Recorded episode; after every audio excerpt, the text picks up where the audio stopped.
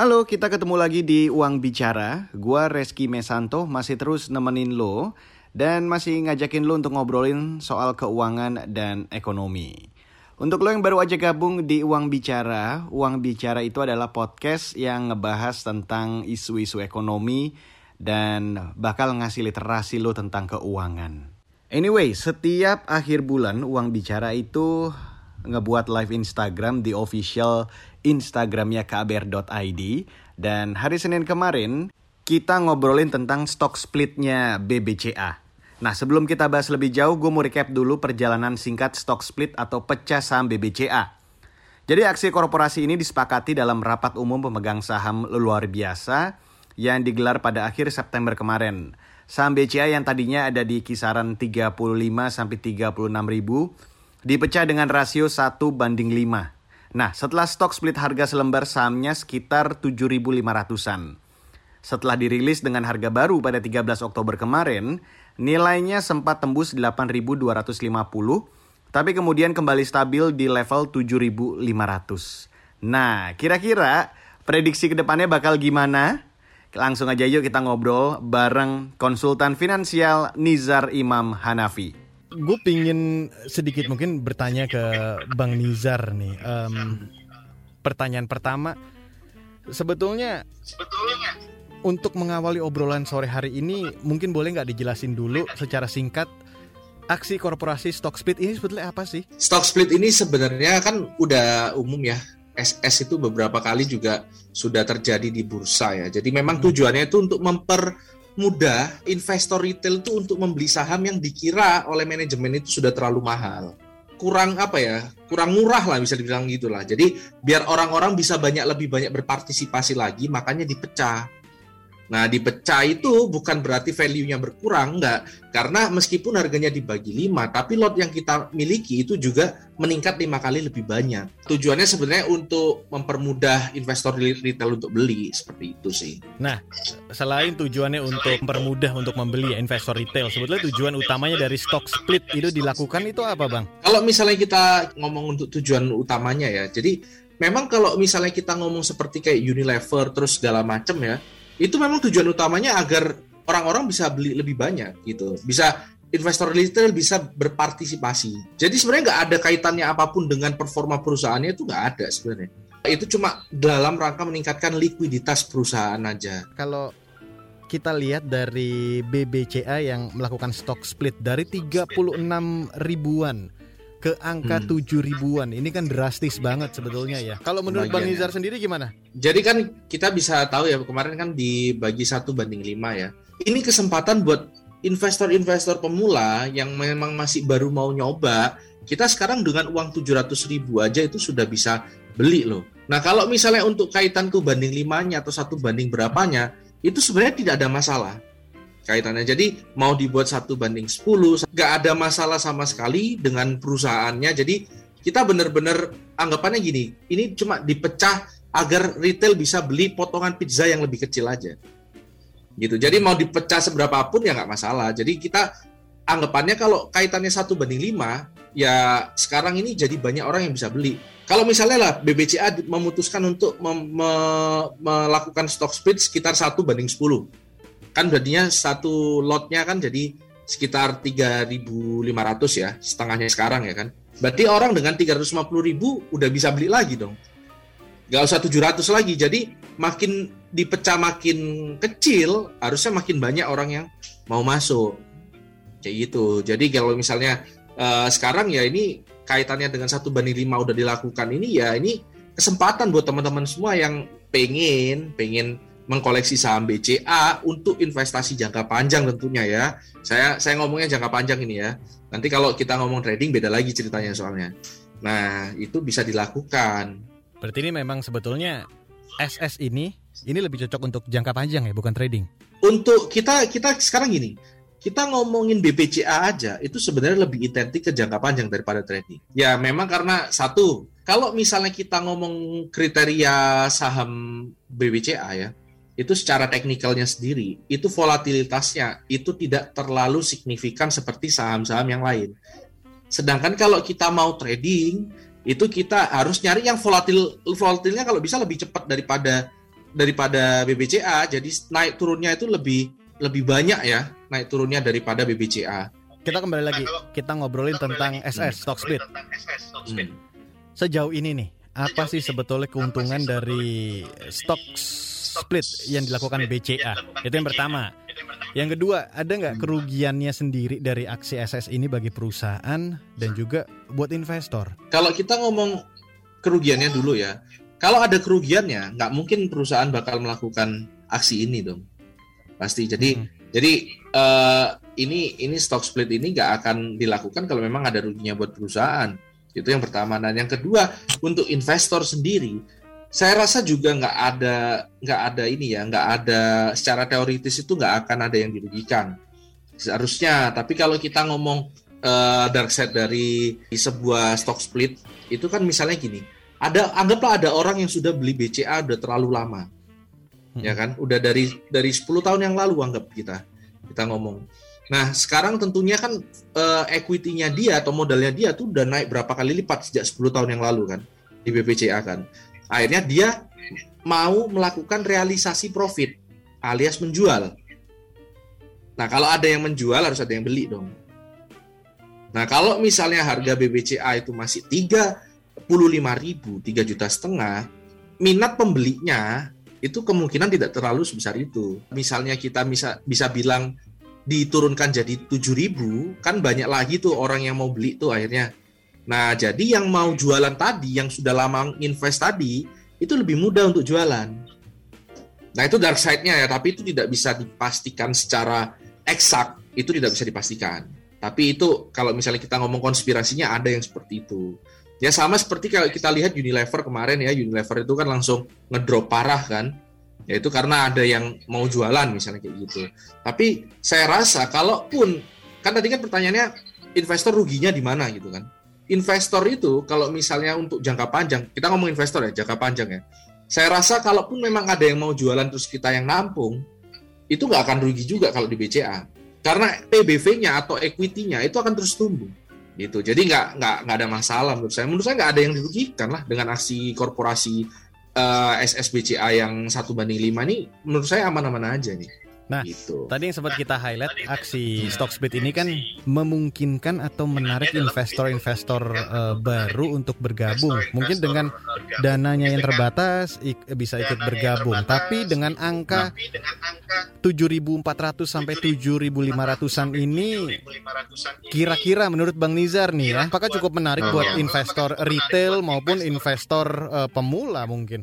Jadi gini, kalau kita ngomong investasi ya, hmm. kita ngomong investasi.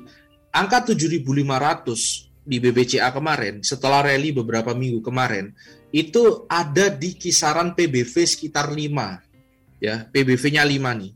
Nah, jadi kalau misalnya saya sendiri, kalau misalnya kita mau beli BBCA tapi mau men-timing dengan harga yang nawar lah, ya kira-kira kita beli di pasar sampai nawar sampai paling murah. Nah, itu jangan beli sekarang yang beli pada saat 7.500 PBV-nya 5. Beli BCA itu gampang. Cara untung di BBCA itu gampang banget. Jadi kalau BBCA menunjukkan PBV-nya ada di kisaran angka 3, 3, sekian gitu ya, 3, muncul aja 3, itu beli. Setiap 3 beli. Setiap muncul angka 3 beli. Nah itu saya jamin kalau BCA nih mainnya ya, itu di masa depan akan untung karena BCA itu mainnya PBV-nya selalu di kisaran tertinggi lima setengah, terendah tiga setengah. Bang Nizar sempat mention ya rally beberapa hmm. minggu ini, taruhlah dua minggu inilah ya kita lihat dari dua minggu ya, terakhir minggu ini. ini.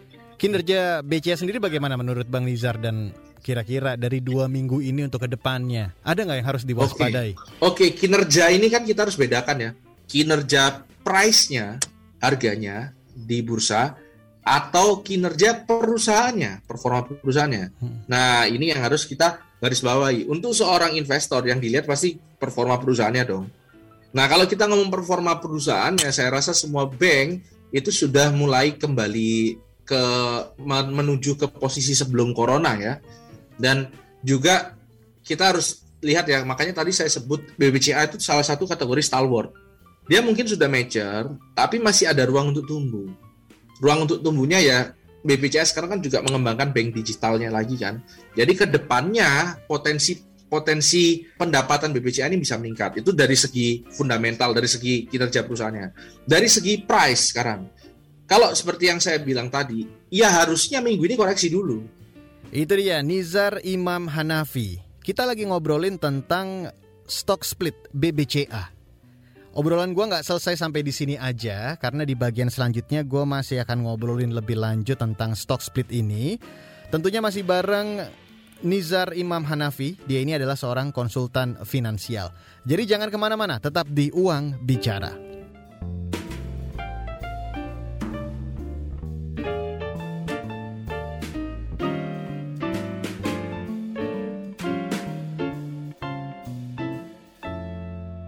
Terima kasih lo masih gabung di Uang Bicara dan di episode kali ini kita lagi ngobrolin tentang stock split BBCA. Dan tentu saja gue nggak sendiri karena gue ditemenin expert gue. Kali ini ada Nizar Imam Hanafi. Dia ini adalah seorang konsultan finansial. Kita lanjut lagi yuk. Oke, jadi kita balik lagi kalau kita ngelihat tadi dari keterangannya Bang Nizar, stock hmm. split hmm. ini kan ternyata ini hmm. banyak investor yang happy karena harganya kan turun ya. Jadi banyak Betul. yang bisa menjadikan ini sebagai wishlist, bisa masukin saham BBCA ini ke portofolio. Tapi hmm. juga ada yang salty karena khawatir kinerjanya malah nggak bagus. Honest review. Menurut Bang Nizar sendiri, proyeksi ke depannya gimana nih dengan adanya SS di BBCA ini? Jadi kalau kita ngomong yang kelompok yang happy ya eh, kita harus tahu ya memang beberapa tahun ini itu kan Gen Z itu kan sudah mulai masuk di di bursa kita ya kan. Ini tanpa tanpa bermaksud mengecilkan ya, tapi memang kan kebanyakan uh, mayoritas pendapatan Gen Z itu kan mungkin di rentang yang masih cukup terbatas. Mm-hmm. Karena kan masih sekolah segala macam kan itu mungkin jadi akhirnya bisa beli BCA. Sebelumnya mungkin nggak bisa beli karena harganya kan cukup mahal. Nah, mungkin itu adalah kelompok-kelompok yang happy ya. Nah, kalau untuk yang salty sendiri mungkin saya rasa lebih ke ini tadi ya yang dark side yang saya jelaskan tadi ya, takut kayak Unilever lah mungkin. Seperti itu. Terus kalau kita ngomong juga untuk proyeksinya sendiri BBCA ini bisa dibilang ya king of IHSG. Jadi kalau BBCA ini hancur banget, nget-nget-nget gitu ya, mm-hmm. IHSG juga pasti akan kena efeknya. Nggak efeknya nggak akan ke BCA aja, nyeret ke mana-mana pasti kalau misalnya BBCA ini ngedrop. Jadi ya harusnya uh, untuk safety sih kita bisa lah uh, percaya BBCA ini ke depannya masih bisa naik terus lah ya untuk long term ya. Tapi hmm sekali lagi nggak ada yang nggak mungkin di bursa saham ya. Nah kalau buat teman-teman atau calon-calon investor yang masih galau nih, kalau ngelihat kenyataan ya, kenyataan yang ada atau berdasarkan data, termasuk yang tadi sudah Bang Nizar paparkan, ini mendingan buy atau buy aja nih buat BBCA. Jadi gini, advice-nya gini aja lah, gampang sederhana. Ada tiga orang nih, kita anggap ada tiga orang. Ya yang yang pertama itu orangnya itu mentiming market banget. Jadi mereka itu uh, nungguin saham di harga rendah banget belum tiap tiap rendah dia masuk. Nah yang kedua adalah orang yang tiap naik baru beli. Yang ketiga adalah orang yang selalu nyicil saat beli uh, jadi dia tiap punya duit selalu dicicilin saham itu. Nah dari tiga orang ini yang paling untung kesannya kayak yang pertama dong, yang selalu mentiming dengan benar kan. Mm -hmm. Nah, tapi ternyata pada faktanya yang paling untung itu adalah orang yang selalu mencicil. Selalu tiap ada duit diinvestkan, diinvestkan. Jadi kalau kita ngomong ke BBCA, BBCA ini salah satu saham yang kriterianya menurut saya bisa dijadikan saham yang dicicilin seperti itu. Kita ngomongin langsung case ya. Anggaplah kita ngomong gaji seorang fresh graduate sekarang mungkin sekitar 8 jutaan misalnya ya 800 ribu itu 10 atau 10 persennya detailnya itu patut untuk diinvestasikan langsung. Ya udah belikan aja BCA tiap bulan. Belikan, belikan, belikan. Nanti kalau kita ngomong sudah kan kita ngomong investasi ya, mungkin lima tahun atau 10 tahun ke depan itu kerasa banget pasti. Nah, kalau kita ngomongin tentang investasi nih, biar berasa nih tentunya kan wah ya kita memang mau investasi nggak mau trading hmm. tapi kan pasti pingin berasa gitu ya. Oke. Nah, kira-kira nih harus berapa lama nih kita keep saham kita? Minimal lah biar berasa. Oke, jadi jadi gini ya. Kalau kita ngomongin berasanya itu kira-kira snowballnya itu berapa lama ya? Period holdnya ini tergantung orangnya ya. Jadi ini memang bisa dibilang gini. Ini gampang untuk dibilang, susah untuk dilakukan. ya. Semakin lama itu semakin bagus, semakin lama ya. Tapi kan tentunya nggak semua orang bisa nahan berapa lama. Apalagi kalau yang mainnya nggak duit dingin. Yang mungkin besok, loh itu banyak loh. Saya juga dulu praktek itu. Heeh. Jadi saya investkan uang untuk yang saya pakai untuk nikahan. Heeh. Itu kan nggak mungkin untuk lama-lama dong. Itu turnovernya tinggi lagi ya. Iya, itu itu nggak mungkin lama-lama. Pasti ada ada yang kayak gitu.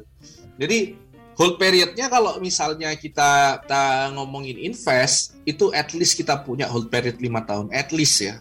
Minimal kalau orang investor beneran investor. Mhm. Nah, cuma sekali lagi eh, saya co- mencoba memahami ya. Saya nggak mau kolot investing pokoknya yang paling bener nggak nggak. Jadi kalau kalau kita nge-trade ya kita minimal ya minimal eh bisa nahan ini aja lah dua bulan aja cukup lah rasa saya rasa Dua bulan. bisa iya bisa nahan bisa nahan gitu ya jadi jangan terlalu terburu-buru hari ini beli kalau langsung turun langsung dijual gitu Mhm. kalau ibaratnya gini makin pendek variabel hold period tadi yang saya sebut makin sulit Ini deh, kita kita kita bicara eh, belak-belakan deh ya. Hmm. Tadi kan ada sempat nyebut lima tahun, juga sempat tiba-tiba Hmm. nyebut dua bulan. Yang aman, nggak nggak terlalu lama, mungkin lima tahun terlalu lama ya buat teman-teman investor pemula Hmm. yang pingin Hmm. ngerasain hasilnya. Dua Hmm. bulan juga terlalu cepat. Kira-kira yang aman lah, bang. Kalau kita ini sebenarnya pertanyaannya sulit loh, sulit banget. Kenapa? Karena gini ya, tak kasih tahu ya. Saham apa pun nggak ada yang aman namanya. Saham Iya, apa pun nggak ada. yang aman. high risk Ya, kan jadi itu soalnya. iya, Ah, jadi ah. aman itu semakin panjang waktunya semakin aman, tapi nggak aman juga gitu kan. Nah kalau kita ngomong berapa ambil tengahnya ya, kalau misalnya kita harus kembalikan ke tujuannya. Mm-mm. Kita ini mau ngapain sih di saham, di bursa saham? Kita mau nge-trade eh, nge-trade harian, nge-trade bulanan atau kayak kayak saya investor yang eh, ditaruh aja ditinggal tidur. Mm-mm. Nanti kalau ada crash baru beli lagi kayak gitu. Tergantung kita maunya jadi apa gitu. Tapi mungkin Yang ini bang, pasti pertanyaannya nih, kan Hmm. ini jadi-jadi tadi bang Nizar bilang ini agak susah nih dijawab. Tapi mungkin gini deh, teman-teman yang pengen ngikutin jejaknya bang Nizar. Mau Hmm. nikah tapi uangnya dimasukin dulu. Nah itu kira-kira nunggunya berapa lama kan harus ada kepastian. aduh, aduh. Oke oke oke oke. Eh, sa- saya justru malah saran ya, saran ya. Kalau memang kebetulan dulu saya hoki ya, jadi saya saya bisa bisa dibilang setahun sebelum saya nikah uangnya saya masukkan ke bursa kan. Mm-mm. Nah pada saat itu saya masih belajar baru belajar value investing kan. Untungnya pas waktu saya cabut uangnya saya udah untung 60%. Hmm. Itu dalam waktu ngehold 6 bulan saya. Jadi sebulan 10% itu dengan beli saham-saham value. Tapi andai kata saya nggak seberuntung itu, itu fatal loh menurut saya. Mm-mm. Mending kalau kalau di saya saran ya, mending mending de, mending ke reksadana lah. Kalau kalau memang mau nikah ya, ini ini saya nggak nggak saran ya. Lebih aman ya. Lebih aman ya. Kalau kalau boleh setahun lah, setahun lah. Kalau minimal setahun ada buat setahun bisa lah harusnya ya. Oke, Bang Nizar, anyway, ini ke depannya gimana nih proyeksi sektor perbankan sendiri? Eh, Kira-kira ada nggak yang perlu diwaspadai? Tadi tadi kita sama-sama berbicara tahun depan aja kita nggak tahu kondisinya gimana, apalagi Betul. betul. kita balik lagi. Ini pandemi juga kan Hmm. sedikit banyak mem- mempengaruhi juga dan belum tahu ini selesainya kapan. Jadi kalau ngomong perbankan ya, perbankan itu kalau kita ngomong crash itu yang paling dirugikan yang pertama kali itu perbankan. Mm-mm. Jadi karena NPL itu pada meningkat segala macam orang ya bahasa sederhananya orang jadi kan jarang nabung, ngambil duit dari tabungan malah dan malah mungkin yang punya utang jadi malah nggak bayar utang kan gitu kan. Mm-mm. Jadi bisnis bank itu mulai tersendat. Tapi ketika perekonomian mulai kembali muncul, banklah yang mengawali. Akan selalu seperti itu siklusnya. Jadi kalau nanti perekonomian baru muncul ya ke depannya ya bank lagi yang mulai. Jadi ya sebenarnya banking ini bisa dibilang bread and butter dalam dunia finance ya. Jadi ya nggak ada nggak ada posisi salah banget untuk masuk di bank kecuali itu lagi memang lagi baru crash banget. Ini mungkin Hmm. jadi pertanyaan pamungkas. Hmm. Selain perbankan, saham-saham apa eh, sektor apa lagi nih yang kira-kira oke lah buat dikoleksi dalam tanda kutip? Kalau saya sih gini ya, langsung aja. Meskipun ini mungkin bias ya, karena saya basicnya properti ya, memang orang properti dulu ya. Saya rasa properti itu sangat potensial banget. Kenapa?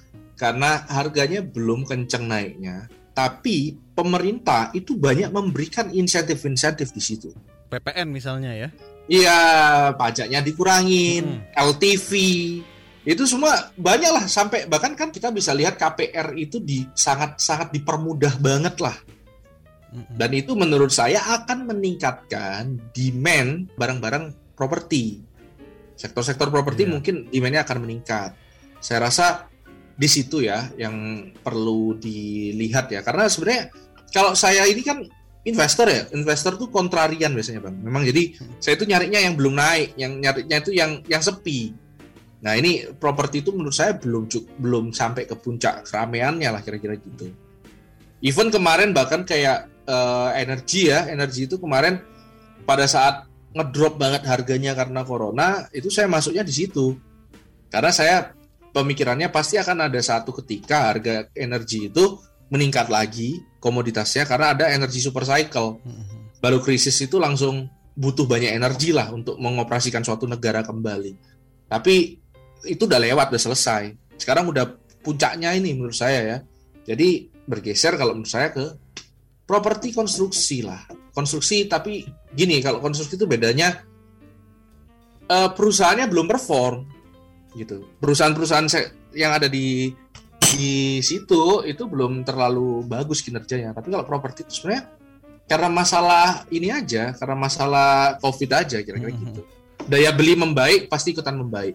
Kedua kedua ini dikit ya, otomotif lah. Itu dat kalau saya lihat dari datanya, wah jauh banget. Jadi perbaikan perbaikan daya beli kendaraan ini atau bisa kita bilang mobil ini itu jauh banget daripada saat corona. Dan pemerintah masih memberikan insentif PPNBM sampai masih diperpanjang lagi minimal sampai akhir tahun masih dilakukan itu. Itu dia, Nizar Imam Hanafi, seorang konsultan financial yang baru aja gue ajak ngobrol ngomongin tentang stock split BBCA. Jadi gimana nih, udah tertarik atau belum? Mudah-mudahan ya obrolan gue di episode kali ini bisa menjadi pertimbangan yang baik buat lo. Anyway, sampai di sini dulu uang bicara kali ini. Terima kasih loh untuk lo yang selalu udah gabung di setiap episodenya setiap hari Kamis. Kalau lo punya saran, masukan, ataupun mungkin ide-ide topik yang keren buat dibahas di Uang Bicara, jangan pernah ragu untuk kirim email ke podcast at kbrprime.id. Gua Reski Mesanto undur diri. Tetap sehat, tetap bahagia, dan tetap produktif di tengah pandemi. Bye-bye.